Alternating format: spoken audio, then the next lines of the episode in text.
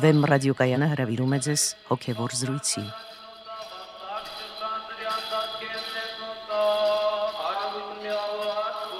Սիրելի ունկնդիրներ, Վեմ ռադիոկայանի եթերում են արժանապատիվ Տեր Մեսրոպ Քահանա Արամյանը եւ Արաս Արկավակ Նալչաջյանը։ Այսօր մենք կխոսենք երազների մասին։ Օրհնեցեք Տեր հայր։ Աստված օրհնի։ Տեր հայր Սուրբ Գիրքը բազմիցս խոսում է այն մասին, որ Աստված երազների միջոցով խոսեց իր ծառաների, իր սուրբերի հետ եւ ցուցումներ տվեց, խորհուրդներ հասկացրեց, առաջնորդեց։ Օրինակ Աբ รา համի Հովսեփի երազները, Սողոմոն արքային դարձյալ երազով խոսեց Աստված, նույնիսկ Նաբուգոդոնոսոր արքային, որը Իսրայելից չէր, երազով հասկացրեց իր ասելիքը, որ եւ մեկնեց Դանիել մարգարեն։ Հուդա Մակաբայեցու երազը եւ Գործ Կարաքելոց գրքում էլ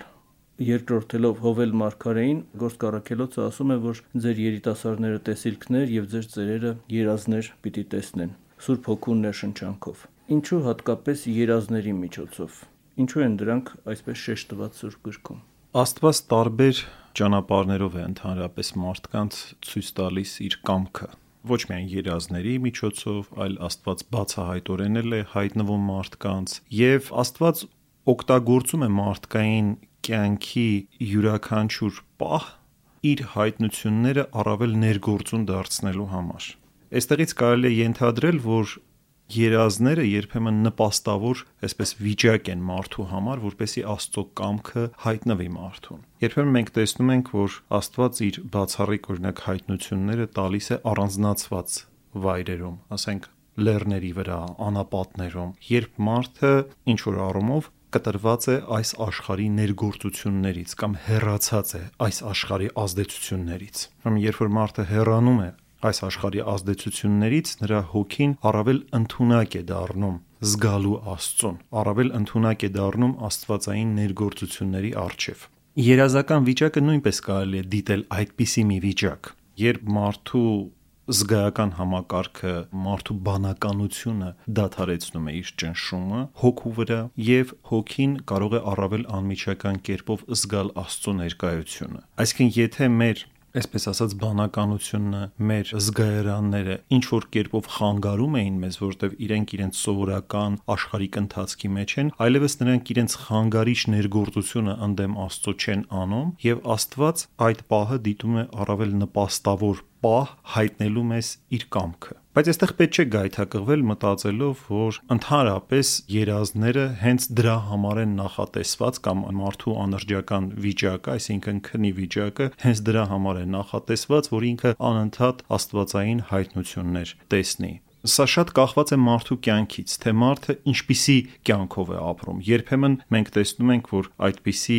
զգաստության հայտնություններ տրվում են անգամ մեղավոր մարդկանց։ Սա լինում է մարդուն որոշակիորեն ցնցելու համար, բայց տվյալ պարագայում, երբ որ մենք Սուրբ գրքում հաճախակի տեսնում ենք այսպիսի արդեն հայտնություններ, սա արդեն Աստված պաշտության հետևանք է, որոշակի Աստվածամերձ կյանքի հետևանք է։ Այսինքն որպեսի քո հոգին առավել նպաստավոր լինի, որ Աստված քեզ այցելի։ Ուրեմն դու որոշակի կյանքով պիտի ապրես, դա արդեն որոշակի կյանքի հետևանք է։ Եվ Սուրբ Գիրքը բազմիցս նաև զգուշացնում է, որ այդ հաճախակի երազներին տրվելը, ընդհանրապես այդ երազական աշխարհի մեջ ընկնվելը, հատկապես օրինակ Սիրակի գիրքը եւ շատ այլ տեղերում զգուշացումներ կան մարգարեություններում, կարող է շատ վտանգավոր լինել մարդու համար։ Երազները կարող են լինել ոչ միայն աստվածային հայտնություններ եւ դրանք շատ քիչ են իրենց տոկոսային հարաբերությամբ, այլ շատ հաճախ երազները կարող են լինել որպես դիվային ներգործության հետևանքներ եւ այլն։ Այնպես որ երազները տարբեր պատճառներով կարող են առաջանալ,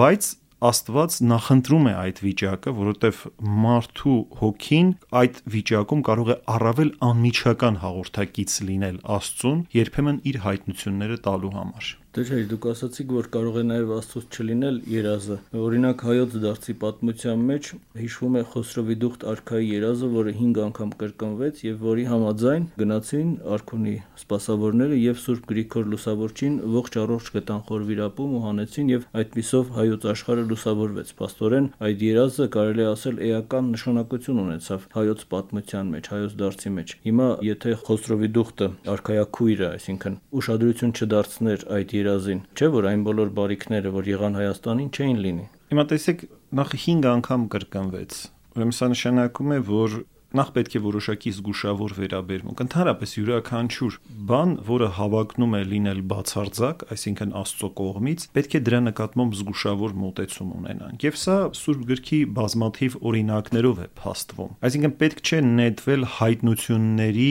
եւ երազների գիրքը։ Ես նորից ուզում եմ հիշեցնել Պիմեն մեծի խոսքը, երբ մեկը ասաց, որ ինքը ամեն օր տեսնում է ամենասուրբ երրորդության լույսը, եւ Պիմենը ասաց Երանի ամեն օր դու տեսնեիր քո մեղքերը։ Այսինքն շատ զգուշ պետք է լինել, որպեսզի մեր ոտքերը գետնից չկտրվեն։ Եվ երկրորդը, եթե մենք մտնում ենք մի ոլորտ, ուր նաեւ կարող են աշխատել դիվային ներգործությունները, եւ մենք ճունենք տարական պաշտպանվածություն այդ դիվային ներգործություններից, ուրեմն մենք դյուրությամբ կարող ենք խաղալիք դառնալ։ Եթե դևը կարող է լուսո հրեշտակի կերպարանքով ներկայանալ Հետևաբար հարց է առաջանում, ինչպես ենք մենք զանազանելու այս տեսիլքը Աստծուց էր թե Աստծուց չէր։ Եվ պատահական չի որ 5 անգամ է հայտնվում, այսինքն հետևողականորեն հայտնվում է, որպեսի մարդը ինչ որ ձևով հասկանա կամ այսպես ասած ստուգի, արդյոք դա այդպես է թե այդպես չէ։ Եվ դա շատ կոնկրետ բանի մասին էր գնում խոսքը։ Այսինքն ոչ թե ինչ որ երևակայական մի բանի, այլ կոնկրետ ասվում էր, որ այսինչ տեղում այսինչ մարդը կա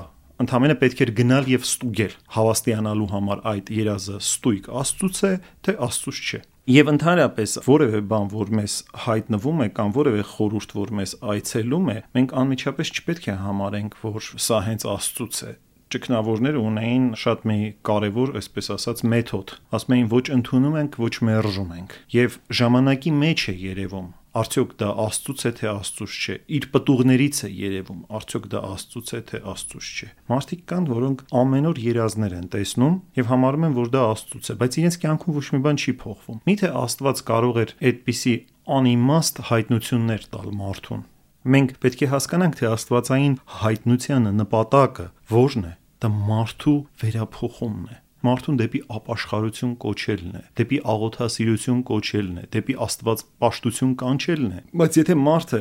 հայտնություն է ունենում եւ իր կյանքում ոչ մի բան չի փոխվում, կամ այդ հայտնությունից հետո ինքը հստակ չի հասկանում թե ինքը ինչ պետք է անի իր կյանքում, ուրեմն պետք է շատ զգուշ լինել այդ հայտնությունների նկատմամբ։ Եվ ես ուզում եմ նաև Անտոն Անապատականի կյանքից մի օրինակ բերել, ասում է, որ եղբայրները հաճախ երազներ էին տեսնում եւ գնացին Անտոն Անապատականի մոտ, որպեսի հասկանան թե այդ երազները Աստծուց են թե չարից են։ Եվ ասում է ինչ որ իրենք տեսնում էին, կատարվում էին։ Այսինքն ոչ թե պարզապես ինչ որ երազներ էին տեսնում, երազի մեջ ինչ որ բաներ ասվում, հետո այդ կատարվում էր եւ իրենք ըստ երևույթին մտածում էին, որ դա Աստծուց է, բայց կասկած կար նրանց մեջ, ուստի որոշեցին ստուգել եւ գնացին Անտոն Անապատականի մոտ։ Բայց երբ որ հասնում են Անտոն Անապատականի խուցին, նա դուրս է գալիս խուցից եւ ասում է ափսոս էր ձեր էշը եղբայրներ, որ ճանապարհին սատկեց։ Այսինքն փաստորեն նրանց էշ իսկապես ճանապարհին սատկած է լինում եւ Անտոն Անապատականը արդեն գիտի դրա մասին։ Եվ եղբայրներն ասում են.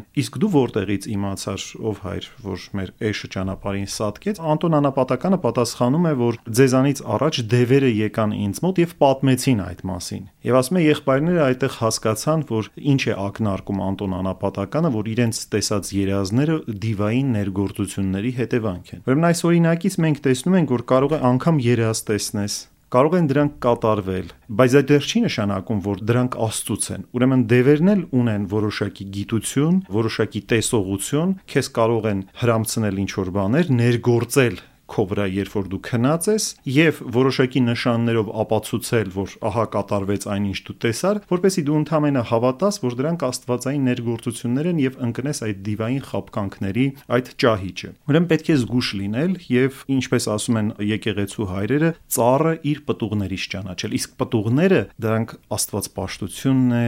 ապաշխարությունը, աղոթասիրությունը եւ այլն, այսինքն երբ որ ինչ որ մի բանի պատճառով դու մղվում ես առավել խորը աստվածպաշտության, առավել խոնարհության եւ ոչ թե մեծ ամատության, որ այ ես արդեն Աստծո հետ երազներով խոսում եմ։ Տեր դուք խոսեցիք աստվածային եւ դիվական ցակում ունեցող երազների մասին, սակայն բացի դրանից Սուրբ Գիրքը խոսում է նաեւ երազների այլ տեսակների մասին։ Օրինակ, ասենք ժողովողի գրքում ասվում է, որ երազը հոգսերի շատությունից է առաջ գալիս եւ այլն։ ինչով է պայմանավորված այս երրորդ տեսակի երազները, որը թերևս կապված է այն բանի հետ, որ մարդը ինքը մի առանձին բնություն է, բացի աստվածային բնությունից եւ բացի դիվական բնությունից, որոնք կարող են ներազդել մարդու վրա, մարդը ինքս եւս մի առանձին բնություն է։ Անշուշտ երազները ունեն նաեւ բնական հիմք։ Տաթևացին ընդհանրապես 4 պատճառ է տալիս երազների՝ բնական, փոփոխական, դիվային եւ գիտնական կամ աստվածային բնական երազների պատճառը այն ամբողջ հիշողական տպավորական մեխանիզմը, որ գործում է մարդու մեջ, այսինքն մարդը իր մեջ անբարում է հսկայական գիտելիքներ եւ տպավորություններ, որոնք գալիս են իր մարդկային կյանքի զանազան փորձառություններից եւ նույնիսկ մարդը կարող է որոշակի իրավիճակներում, ասենք, վերարտադրել այնպիսի բաներ, որ կարող էր ինչ որ խորը իր մանկության ինչ որ մի դրվագ լիներ եւ այլն։ Այսինքն մարդը իր մեջ անբարում է հսկայական քանակությամբ գիտելիք, տպավորություն եւ այլն, որը ինքը ստանում է այս աշխարից։ Եվ Երազի ժամանակ կարող է այդ ամենը արտահայտվել, կարող է այդ ամենը վերարտադրվել մարդու մոտ, եւ դրանք կարող են լինել սուր ապրումների հետևանքներ, զանազան պատճառներով կարող են լինել այդ երազները, դրանք կարող են լինել ընդհանրապես որպես տպավորություններ, դրանք երբեմն կարող են լինել ինչ որ ցանկություններ եւ այլն, այսինքն որ կա մարդու մեջ, որ մարդը ունի որոշակի բաղձանքներ, որոշակի ձգտումներ, դրանք կարող են արտահայտվել երազների տեսքով։ Սրանք բնական տիպի երազներն են, բայց երազները Պատճառները նաև լինում են փոփոխական համաձայն Գրիգոր Տաթևացու, որոնք կարող են լինել արտաքին հանգամանքների փոփոխության հետևանքով։ Օրինակ դրանք կարող են լինել, ասենք, օրինակ շատակերության հետևանքով կամ, չգիտեմ, ինչ որ ոչ դրական ցանկությունների հետևանքով։ Դրանք կարող են լինել արտաքին գործոնների, օրինակ, ասենք, կարող է ջերմաստիճանը շատ բարձրանա եւ դու երազում կրակ տեսնես եւ այլն, այսպիսի ներգործություն, այսինքն բնական ֆակտորները կարող են քեզ մղել, որպեսզի դու համանման նման բաներ տեսնես քո երազների ժամանակ։ Բայց ընդհանրապես նույնիսկ եթե բնական երազների մենք ոլորտը միայն դիտարկելու լինենք, չենք կարող ասել, որ նույնիսկ գիտությունը ինչև վերջ պատասխանում է այդ հարցին, թե դա ինչ վիճակ է որտեվ ոմանք ասում են, որ դա մի վիճակ է, երբ որ գիտակցականը անջատվում է եւ մարդու ամբողջ յենթագիտակցությունը, այսպես ասած, դուրս է գալիս եւ սկսում է աշխատել, այսինքն գիտակցական ճնշումը վերանում է եւ իր յենթագիտակցականում թաքնված ամենախորը բաները դուրս են գալիս եւ այդտեղից էլ որոշակի հետեւություններ են անում, այսինքն քանի որ եթե ուրեմն այդտեղ միայն յենթագիտակցությունն է աշխատում, ուրեմն այդտեղ պետք է լինեն որոշակի օրինաչափություններ, հետեւա, հետեւաբար կա որոշակի կապ, թե դու ինչ ես տեսնում եւ դա ինչ համապատասխանություն ունի քո ենթագիտակցականի հետ։ Հատկապես հոգեվերլուծաբանության այդ ուղղության մեջ շատ տարածված մեկնողական մի բան է, թե երազում ինչ տեսար, ինչ է դա նշանակում, որը սակայն մերժվում է այլ տեսանկյուններից կամ այլ ուղությունների կողմից, որտեղ նաև տեսանկյուն կա, որ երազի ժամանակ մարդու մեջ ոչ թե անջատվում է գիտակցություն, այլ գերգիտակցականն է սկսում աշխատել։ Եվ նույնիսկ երազի ժամանակ մարդը կարող է այնպիսի վերլուծություններ անել, որ զուտ գիտակցությամբ ինքը չէր կարող հասնել այդպիսի վերլուծությունների։ Դա կարող է շատ մեծ թռիչքներ ունենալ։ Նույնիսկ ոչ միայն հայտնություն, այլ որոշակի նաև հայտնագործություններ կատարել, եթե կարելի է այսպես ասել։ Տեսեք, օրինակ մեր Այբուբենի գյուտը ճիշտ է աստվածային տեսիլքով է տրվել, բայց նորից փաստորեն այդ երազական վիճակում է տրվել։ Սա ցույց է տալիս, որ երազական վիճակը նաև որոշակի ստեղծագործական վիճակ կարող է դիտվել։ Օրինակ, տարբեր գիտնականներ իրենց փորձառությունից խոսում են, որ երկար ժամանակ աշխատելով մի որևէ խնդրի վրա, փաստորեն իրենք չեն կարողացել այդ խնդիրը լուծել։ Այսինքն տրամաբանությունը չափազանց ճնշել է այդ ինտուիցիայի վրա,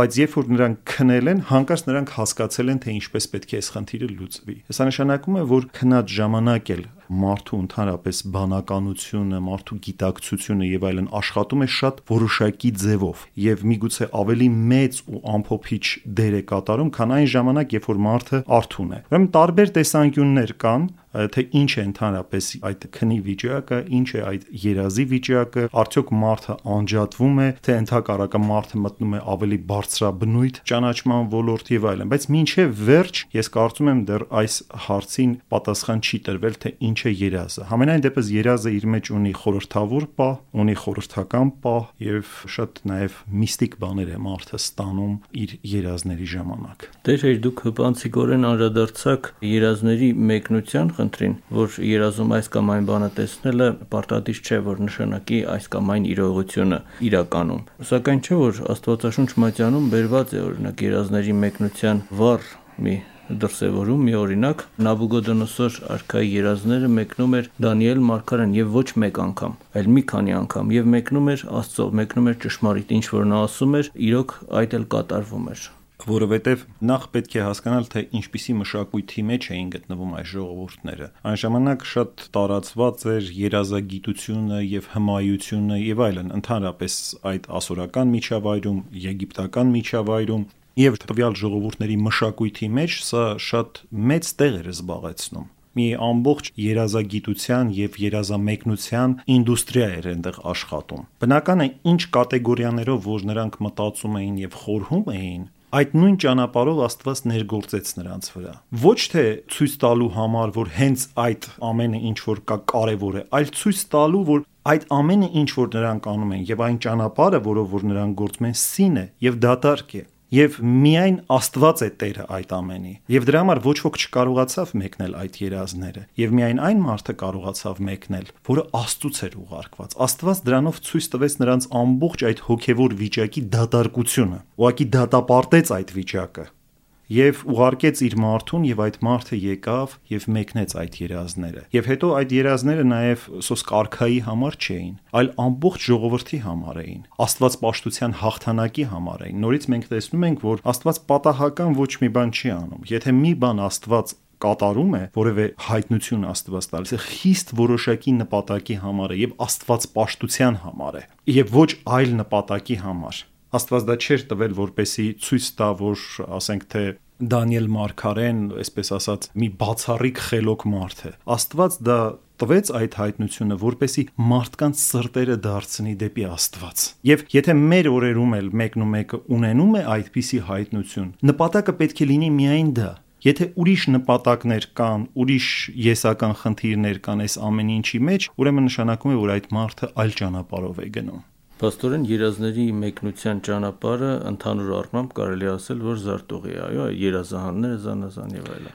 Ես Սիրակի իմաստության գրքից մեկ հատված հիշեցնեմ մեր ունկնդիրներին, որ ասում է ով հավատում է երազներին, նա նման է մեկին, որ փորձում է բռնել ստվերը եւ վազել քամու հետևից։ Ուրեմն Սուրբ Գիրքը մեզ նաեւ զգուշության է կոչում Ես նորից եմ ասում, այն բոլոր տեղերում, որտեղ կային մշակութային առանձնահատկություններ, այսինքն մարդիկ սովոր էին այդպիսով ճանաչել Աստվածայինը։ Նրանք կարծում էին, որ այդպես են իրենք հաղորդակցության մեջ մտնում։ Աստված դատապարտում է այդ կերպերը իր հայտնությունները դրանց մեջ դնելով։ Բայց միևնույն ժամանակ զգուշացնում է, որ եթե դու ընկել ես արդեն այդ երազների գիրկը, երազահանության, արդեն այդ նշանների, բաների հետևից ես ընկել, դա շատ վտանգավոր վիճակ է քո հոգու համար։ Եվ իսկապես Սուրբ Գիրքը ժողովողի գիրքը մասնավորապես ասում է, որ երազների առատության մեջ ունայնություն կա, իսկ դու վախեցիր Աստծոց հետաքրքիր ձևակերպում է երազների ոչ թե առասարակ անհնարինության մասին, որ Աստված չի կարող երազով հայտնել, այլ ասում է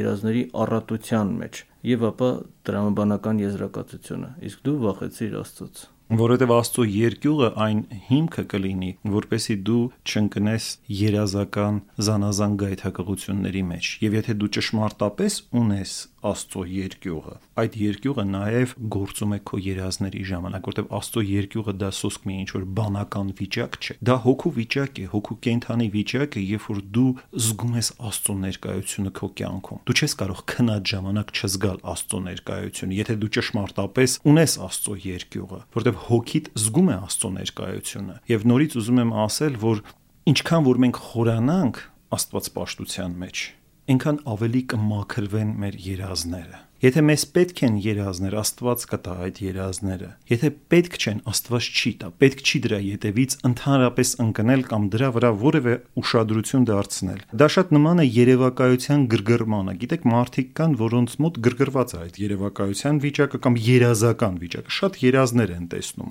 Շատ երազներ, նշաններ են փնտրում, գրգռված է այդ վիճակը։ Դա վտանգավոր է հոգու համար։ Օրինակ եկեղեցու հայրերը զգուշացնում են երևակայության ավելորդ գրգռումից։ Նամ սահմանավանդ աղոթքի ժամանակ դա կարող է լրիվ այլ ուղությամբ տանել մարդուն եւ շեղել աղոթքի բուն նպատակից, դիտավորությունից։ Դրա համար օրինակ Սուրբ Եվագրիոս Պոնտացին ասում է երանելի է այն միտքը, որ աղոթքի ժամանակ պահպանում է կատարյալ անտեսքություն հասել է կատարյալ անտեսքության, այսինքն ոչինչ չի տեսնում։ Ասում է երանելի է այդպիսի միտքը։ Իսկ մարդիկ կան, որ աղոթքի ժամանակ բաներ են պատկերացնում, երևակայական խաղերի մեջ են ընկնում, ինչ որ աչքների առաջ բաներ են պատկերացնում եւ շատ արագ նրանք հայտնվում են դիվային ներգործությունների տակ։ Աղոթելով հանդերձ, նրանք լրիվ հակառակ գործունեությամբ են զբաղված։ Դերեր, եթե երազները հիմնականում իրենց ճնշող մեծամասնությամբ, որ պատահում են մարդկանց, սնոտի են, եւ ուշադրություն պետք չէ դարձնել դրանց։ Ապա ուրեմն այլևս ո՞րն է առհասարակ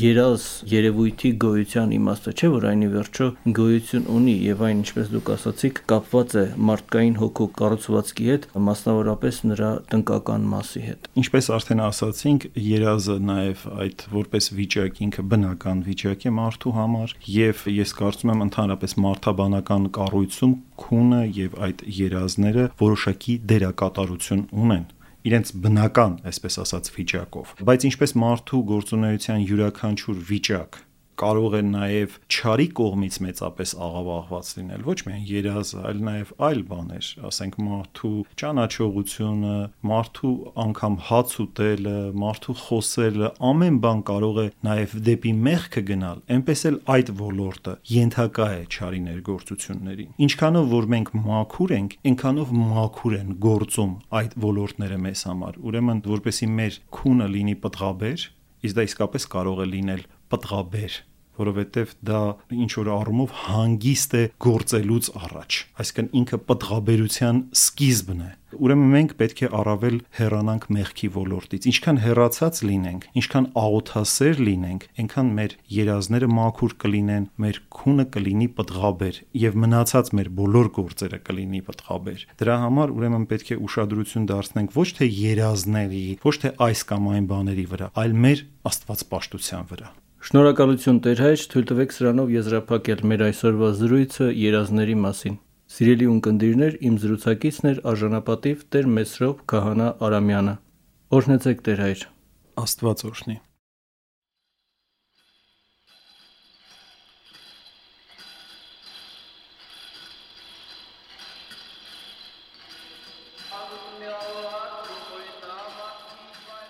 Հոգևոր զրույցներ հաղորդաշարի հերթական հաղորդումը